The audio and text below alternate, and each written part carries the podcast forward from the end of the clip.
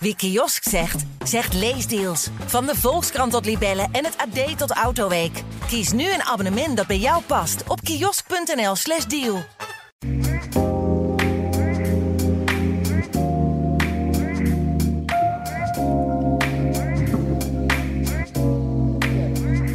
Welkom bij de Tubantia Lezersdag 2023, de podcast Marathon.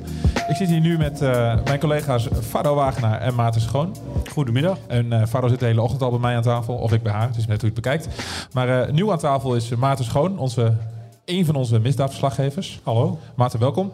Um, ja, vertel eerst maar wat je, wat je doet bij Tubantia. Misdaad, dat klinkt heel breed, maar... Dat is ook heel breed. Heel spannend. Uh, en het is ook heel spannend.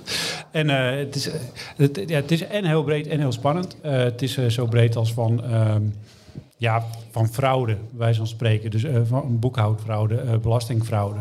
tot moorden die gepleegd worden en alles daartussen. Ehm, ja, zo breed is het. Ook in Twente. Ja, actueel voorbeeld gisteren. Een, een bestelbus ontploft in, ja, in tussen Hengelo en Enschede. Neem ons eens mee. Je hebt zelf gisteren niet dat verslag gedaan, maar nee. stel je voor, hè, jij moet daar naartoe. Hoe ga je dan te werk? Nou ja, uh, stel ik zit op de redactie, dan krijgt, uh, komt die melding binnen. Um, en dan is het matig ga je kijken. En dan uh, ga, je ga je er gewoon heen. Je weet niet wat je verwachten moet. Nee. En als, ik denk, als ik denk dat ik lang weg ben, dan neem ik mijn tas mee en zit mijn laptop in. En kan ik ter plekke een verhaal maken. Als ik denk ik ben zo weer terug, dan neem ik alleen een opschrijfboekje mee. En natuurlijk mijn telefoons. Hoe maak je die inschatting? Ja, dat hangt er een beetje van de melding af, inderdaad. Ja. Dus dat. Uh, maar zoals nu had ik, naar, had ik er gewoon heen gaan met mijn opschrijfboekje en kijken wat je te weten komt. Sowieso kom je, moet je eigenlijk altijd ter plaatse gaan. Je moet er altijd heen. Want als je erheen gaat, dan weet je altijd meer. En je weet het sneller. En dat is niks te nadelen van de politie, maar die houden natuurlijk wat uh, de kaarten tegen de borst vanwege het onderzoek. Uh, maar als je er bent, dan hoor je vaak van, van de omgeving wat, wat er gebeurd is. Zo was ik bijvoorbeeld. Ja, we hebben het nu over die ontplofte bus van uh, gisteren. Um, even kijken, twee maanden terug uh, is er iemand doodgeschoten hier in Enschede aan de Oostberg, Oostburgweg.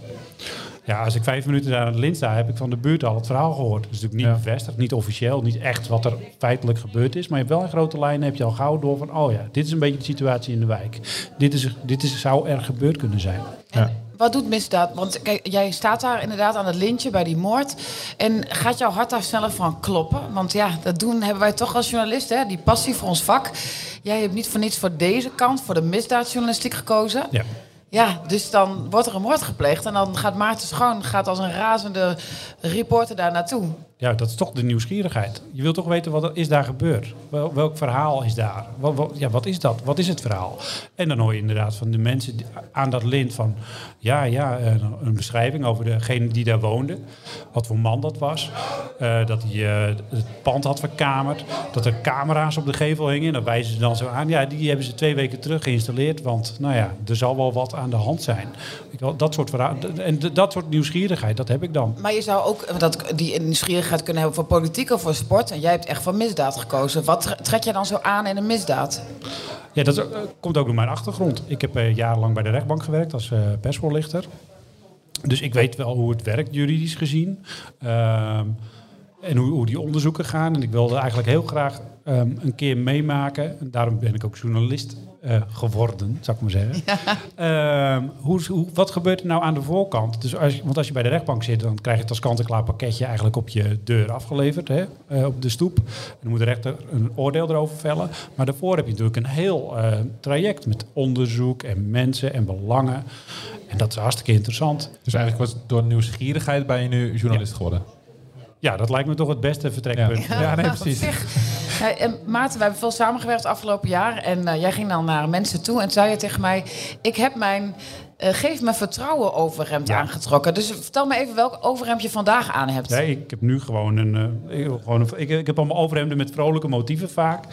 En ja, ik heb ook toch over motieven? Ja, motieven, dat zit ook motieven in de misdaad. misdaad. Ik praat toch ook een, een, beetje naar jullie toe, want ik vind het leuk dat jullie er zijn allemaal.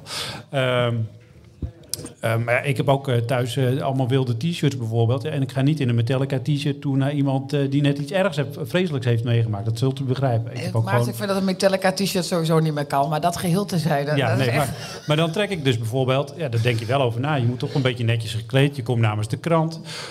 je bent toch, toch een instituut. En je moet er ook wel vertrouwen wekken. Je wil dat mensen hun verhaal vertellen. En je, en je wil natuurlijk ook gewoon... Je gaat netjes om met mensen. Want vaak hebben ze iets ergs meegemaakt. Of ze hebben iets... Of, ja, of ze weet iets wat ze liever niet vertellen. En dat probeer je een beetje Met dit te vermakkelijken. Ga jij dat eruit dus? Ja, weet ik niet. Ik zet ook altijd mijn grote bruine ogen op. Dus ik hoop dat dat ook altijd helpt. Oh, hij is zo onschuldig, deze man. Ja. Maar goed, de, uh, er wordt een moord gepleegd in Enschede. En jij gaat daar naartoe. Dan wat je zegt, hè, je nieuwsgierigheid, eh, dat wekt jou op. Dat, tenminste, dat, uh, je gaat er achteraan.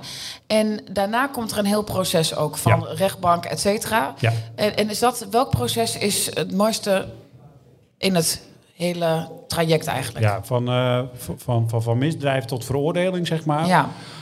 Ja, je, eigenlijk de beginfase is, is het spannendst. Want dan is er iets gebeurt en je weet niet wat. En dan probeer je gewoon erachter te komen, een beetje te jagen van wat is dat dan? En wie zijn die mensen? Bijvoorbeeld, eh, wie is de verdachte?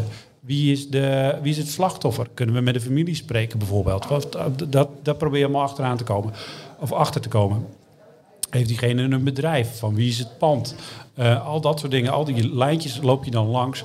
En dat is eigenlijk wel een hele leuke eerste periode eigenlijk. Met je collega's. Ik doe dit samen met Erwin Waanders.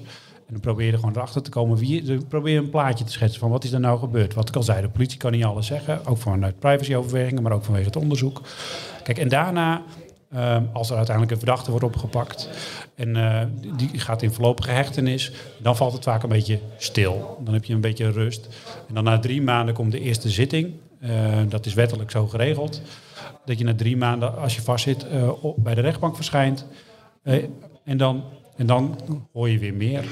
Ja. En, en ben je dan zelf ook, als, als de veroordeling er is, is het dan ook voor jou eh, afgelopen? Of is dat ook dat je daar naartoe werkt, naar zo'n moment? Naar zo'n vonnis? Ja, voor sommige zaken wel. Ja, kijk, het is natuurlijk ook gewoon werk. Dus dat is, uh, ik, ik draag dat niet allemaal op mijn rug mee. Hè. Dat, uh, gelukkig nee, dat niet. snap ik. Um, er zijn dingen die je wel bijblijft, bijvoorbeeld. Kun je, kun je eens voorbeelden noemen? Nou ja, um, zoals vorig jaar hadden we, die, hadden we de aanslag op die Enschedeze advocaat, uh, Philip School. Dus we hebben de laatste tijd is het uh, in de landelijke media natuurlijk vooral gegaan over uh, Peter de Vries, Dirk Wiersum, dus advocaat uit Amsterdam. Maar goed, we hebben hier in Enschede, die is een paar maanden na Dirk Wiersum, is Philip School neergeschoten voor de deur van zijn huis. En het was de bedoeling dat hij dood moest. Daar hoor je eigenlijk weinig over in het land. Maar dat is echt wel een grote zaak geweest. En ja, als dat tot een uitspraak komt en je praat ook met die advocaat ook over wat met hem deed... en dat hij dus geen beveiliging kreeg van de overheid... ook wat de laatste tijd in het nieuws is, dat wordt ook zijn naam wordt niet genoemd. Ja, ik, dat, dat houdt me nog steeds bezig eigenlijk. Hoe kan dat dan? Dat het me maar bezighoudt? Nee, dat hij geen beveiliging kreeg. We gaan misschien iets te veel op één zaak in, maar het is wel een hot item. Ja, dat, weet, dat weet ik dus niet. Want de, de, de Onderzoeksraad voor de Veiligheid... Uh, die heeft dat dus niet onderzocht. Die heeft alleen Peter de Vries en uh, de broer van de kroongetuige, geloof ik, en uh, Dirk Wiersum onderzocht. Maar niet Philip School. Sterker nog, Philip School die krijgt ook steeds uh, nul op het request. Als hij bij de minister of de hoofdofficier van Justitie vraagt van... beveilig mij of waarom ben ik niet beveiligd? nou ja, en die verontwaardiging, uh, dat, dat, dat triggert mij om ook uh, daar vragen over te stellen, bijvoorbeeld. Maar er worden er veel misdrijven gepleegd in Twente? Um, alles naar verhouding. Um, ik heb bij de rechtbank gewerkt, dus ik kan er wel een beetje iets van zeggen. In Twente worden veel meer, mis, veel, worden meer misdrijven gepleegd dan in rond Zwolle bijvoorbeeld. En hoe kan dat? Dat is een goede vraag. Ik, ik, het zou, ik, uh, uh, er, zijn, er zijn meer... Ja, grensregio misschien? Ja, ja. We, we, horen uit het publiek uh, de Duitse grens. Dat, dat speelt zeker een rol. Uh, vooral als je kijkt naar... Het is natuurlijk een doorvoergebied, hè, de A1 inderdaad. Uh, er komt drugs over de grens bij de Lutte. er komen mensen over de grens, illegaal of niet illegaal. en dat heb je bijvoorbeeld in de regio Zwolle niet. om, ik hou het even Overijssels hè, als vergelijk. Met Amsterdam en Rotterdam hoeven we ons niet te vergelijken. Met de Achterhoek wellicht? Ja. Er gebeurt nooit wat, hè? Nee. nee. en... Nee, nee daar zijn, ook, ook daar zijn drugslabs. Maar het zit, het zit toch meer in Twente. En Twente heeft natuurlijk gewoon drie grote steden, hè, vergis je niet. Uh, Enschede is de grootste stad van Overijssel. Uh, ja, en ja, dat, er gebeurt dus hier meer. En, en worden er hier relatief ook veel moorden gepleegd? Dat, ja, dat kan ik feitelijk niet zeggen. Weet ik niet. Ja, hier rond Enschede, nou ja, ja als je zwaar, hier heb je nog relatief zware criminaliteit. We hebben periodes gehad dat er echt wel moorden werden gepleegd. Uit de rivaliteit bijvoorbeeld. Of ehm, ja, denk aan de viervoudige moord hier in Enschede. Ja, heftig. Ja. ja, eigenlijk weten we nog steeds. Die zaak loopt nu in hoger beroep bij het eh, gerechtshof in Arnhem. Uh, maar ja, die, die, die, vader en die zoons zijn uh, veroordeeld tot levenslang. Inmiddels is de vader overleden. Uh, het hoge beroep loopt. Ja, waarom die vier mensen hebben doodgeschoten hier in Enschede op klaarlichte dag, ik heb geen idee. Nou ja, dat soort dingen spelen wel. Dat is wel een unieke zaak trouwens, ook voor Nederlandse begrippen. Is dat een van de meest bijzondere zaken die je hebt meegemaakt? Misschien toen nog vanuit de rechtbank? Maar... Ja, toen vanuit de rechtbank. Dat is zeker wel een heel bijzondere zaak. Die viervoudige moord, ja, dat... Hey, ik zeg altijd dat is interessant, want uh, in mijn werk zie je zelden leuke dingen. Uh, maar dat is wel heel uh, interessant. Ja, is het niet lastig dat je nooit leuke dingen ziet? Nee hoor, maar had ik wel... Ja, je hebt ook een buiten, leven buiten het werk natuurlijk. Maar. Ja, en het is ook wel leuk op het werk. Want laten we niet vergeten, ja, ik weet niet hoe u het heeft op het werk. Maar op het werk mag best wel gelachen worden hoor. Dus dat doen we ook wel tussendoor. Het is niet alleen maar kommer en kwel. Maar uh, je maakt het zelf ook leuk. Ja, kijk, de, de, zaken waar je over schrijft, dat is serieus. Sowieso, als je iets schrijft voor de krant of voor de website, is het serieus. Want het zijn feiten, je brengt nieuws, dat moet kloppen. Ja. Da daar begin ik bij. Dus als mensen boos zijn omdat er een stukje over hun is geschreven, vind ik dat niet zo erg. Als mensen boos zijn omdat er iets niet klopt, vind ik dat wel erg. Ja. Zo moet je het een beetje zien. Ja. Wat, wat is nou de, de, de, raarste zaak die je ooit hebt meegemaakt? Die viervoudige moord was heel bijzonder. Ja. Maar wat is de meest bizarre zaak die je hebt meegemaakt? Waarvan je zegt van...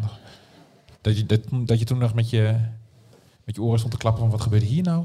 Ja, van die zaken dat je... Dat is bijvoorbeeld de zaak uit Zwolle. Dat, die, dat er, het waren twee mannen waren vrienden van elkaar, jeugdvrienden. En eentje belandt in stukken gezaagd in de kruipruimte onder het huis, zou ik maar zeggen. En leg het maar uit. En had die andere vriend gedaan? Ja. Hè? Nou, Waarom? Ja, zeg het maar. Ja, daar kom je, die waarom-vraag, daar kom je niet altijd achter. Dus, is dat niet frustrerend? Ja, dat lijkt me ook frustrerend. Ja, ja, nee, ja, natuurlijk is het in die zin frustrerend. Want ik ben nieuwsgierig, ik wil weten waarom uh, dingen gebeuren. Dat, wil, dat willen jullie ook, denk ik. Hè? Waarom gebeuren dingen? Je, ja, Daar kan je niet altijd een antwoord op geven. Als je zo'n spannende serie kijkt op tv en een vriend legt zijn beste vriend om, dan wil je wel weten waarom. Ja, zeker. Maar ja, in het echte leven zeggen mensen niet altijd waarom.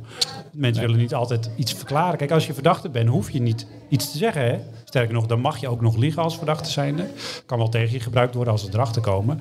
Maar uh, ja, mensen zeggen niet altijd waarom ze dingen doen. Dus uh, dat, zo is het helaas niet. Ja. En voor de rechtbank maakt dat ook niet uit. Kijk, een van de rechters zei, mij, uh, zei tegen mij, van Maarten, een motief maakt mij niet uit. Feiten wil ik hebben. Een motief vind ik helemaal niet belangrijk. Of voor een bewezen verklaring wil ik feiten hebben. Nou ja. ja. Dat is dan de meest uh, uh, opmerkelijke zaak. Uh, wat is de meest treurige zaak? De meest verdrietige zaak hebben we het in onze crime podcast ook wel eens over gehad. Was vorig jaar was van een mevrouw. Um, die had brand gesticht in haar eigen huis. Ah, ja. uh, ze had psychische klachten. Die mevrouw heette Jolanda. En ze zat al in een euthanasietraject. En ze, zou, uh, ze, ze, was al bezocht door een scanarts. En ze was al bijna door het traject heen. En er zou al euthanasie gepleegd kunnen mogen worden. Uh, die mevrouw had haar hele leven lang psychische klachten. Echt e ernstige psychische klachten. Want ik heb met haar advocaat gesproken en met haar familie gesproken. En met haar begeleider. Die heeft begeleid in de euthanasie. Dus ik heb daar echt wel nou ja, een goed beeld van gekregen, helaas. Um, maar goed, daardoor, omdat zij geen psychische hulp kreeg, werd dus haar, stak ze haar huis in brand. Werd ze dus opgenomen en, um, in het Pieterbaancentrum. En ja, was dus de angst dat ze TBS zou krijgen. Ja. Um, terwijl die mevrouw eigenlijk alleen maar een einde aan haar leven wilde maken. Uh, en, maar op een nette manier via euthanasie. Maar dat, door, dat heeft ze uiteindelijk ook gedaan, toch? Ja, ze, uiteindelijk heeft ze euthanasie gekregen. Dus ik ben ook bij die uitvaart geweest en met de familie gesproken. Ja, dat heeft wel indruk op me gemaakt. Raakt, raakt het je dan ook op, op zo'n op zo'n uitvaart? Dat je dan toch een soort van persoonlijk... Nou, eigenlijk, ja, dan wel. Kijk, ja. um, als ik hier op het werk ben of in de rechtbank ben of aan het lint sta en ik ga naar huis, dan is het weg. Dan ben ik het kwijt. Mm -hmm. En als ik dan weer hier binnenkom, ik ga verder met mijn verhaal, dan zit ik er wel weer in. Maar dan heb ik geen, dit doe je zonder emoties. Maar als ik daar in zo'n, bij zo'n uitvaart zit, dan moest ik echt wel op de binnenkant van mijn wang bijten. Ja. Dat, uh, ja, zeker. Dan, dan, raakt het je wel. Tuurlijk, ja. ja. En wat wil je als misdaadverslaggever... Je hebt van die grote podcasten over, hè, de, over misdaadzaken. Die zijn ook op gaan lossen. Is dat wat voor jou? Om eens een keer een hele grote zaak in Twente op te gaan lossen die nog onopgelost is? Tuurlijk, tuurlijk is dat mooi. Dat zou hartstikke gaaf zijn. Ik bedoel, we zijn vorig jaar zijn we bezig geweest met Beckham. Ja. De zaak Beckham is een onopgeloste eh, mishandeling, eh, waarbij eh, eh, een meneer is overleden. De vrouw zwaar mishandeld. Ja, maar dat had echt, want het was, eh, hoeveel jaar was het daarna? 25 jaar na Beckham? Eh, ja, zoiets. Ja. Nou, het had zo mooi geweest als er iemand toch nog zijn mond had open gedaan. Maar iedereen houdt zijn mond dicht. Ik denk dat de belangen te groot waren. Maar dat was nou een zaak waarvan ik had gedacht van, oh, dat had echt gaaf geweest. Want toen zijn we ook, nou, toen hebben we alle spoortjes wel geprobeerd uit te lopen.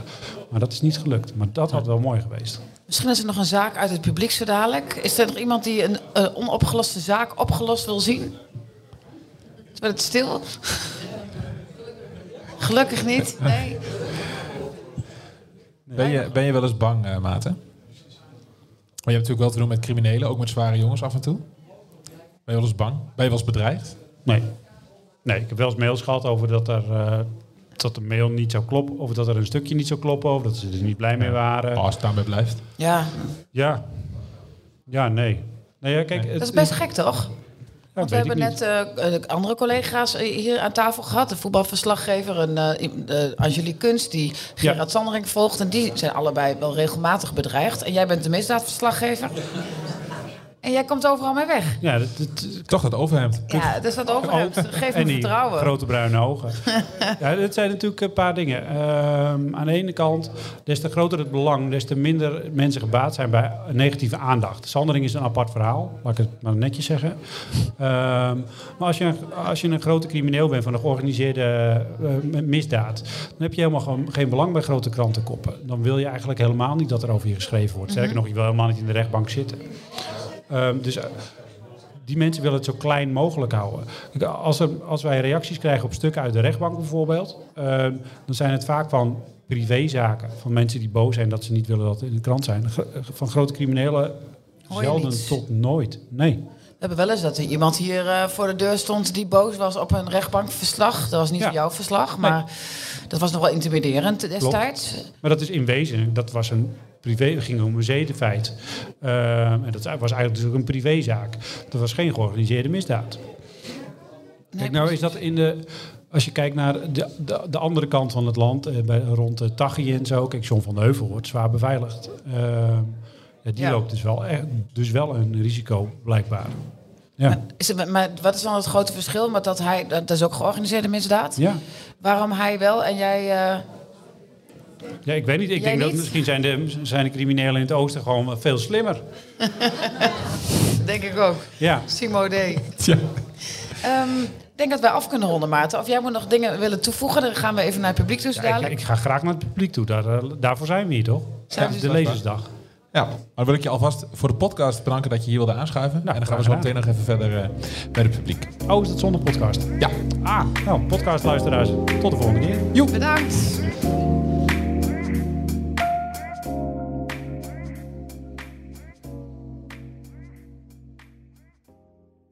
Wie kiosk zegt, zegt leesdeals. Van de Volkskrant tot Libellen en het AD tot Autoweek. Kies nu een abonnement dat bij jou past op kiosk.nl/slash deal.